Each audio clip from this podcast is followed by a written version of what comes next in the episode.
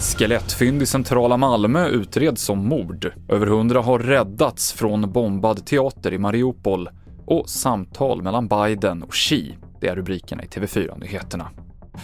Ja, vi börjar med att berätta att det var mänskliga skelettdelar som hittades i Slottsparken i Malmö igår. Och de är från en vuxen människa, säger polisen.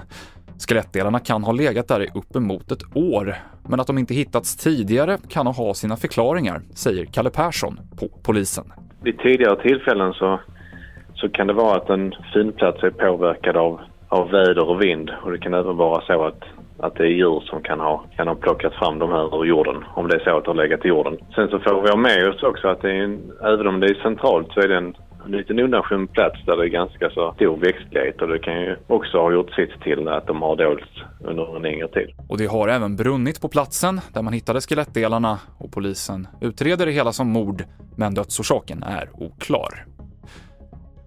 130 människor uppges ha räddats ur rasmassorna på den teater i Mariupol i Ukraina som användes som bombskydd och besköts i ett ryskt flyganfall i förrgår, där uppger ukrainska myndigheter. Men man tror att det är över 1300 personer kvar i teaterns källare och det är oklart om de överlevde attacken. Klockan två svensk tid inleddes ett videosamtal mellan USAs president Joe Biden och Kinas Xi Jinping. De ska bland annat diskutera den ryska invasionen av Ukraina, rapporterar flera medier. Man tror att Biden kommer försöka få Kina att eh, avstå från att hjälpa Ryssland, säger vår reporter Stefan Borg. Dels genom att, att förse Ryssland med, med militär materiel och, och, till och med matransoner till soldaterna, vilket verkar vara en bristvara. Eh, och inte minst att, att, Kina ska gå in och bryta de sanktioner som, som USA, EU med många andra parter har, har eh, utlyst för att pressa US, eh, Ryssland till att, att eh, ge vika. Och ett tal som Arnold Schwarzenegger höll till det ryska folket om kriget i Ukraina har fått över 30 miljoner visningar på ett dygn.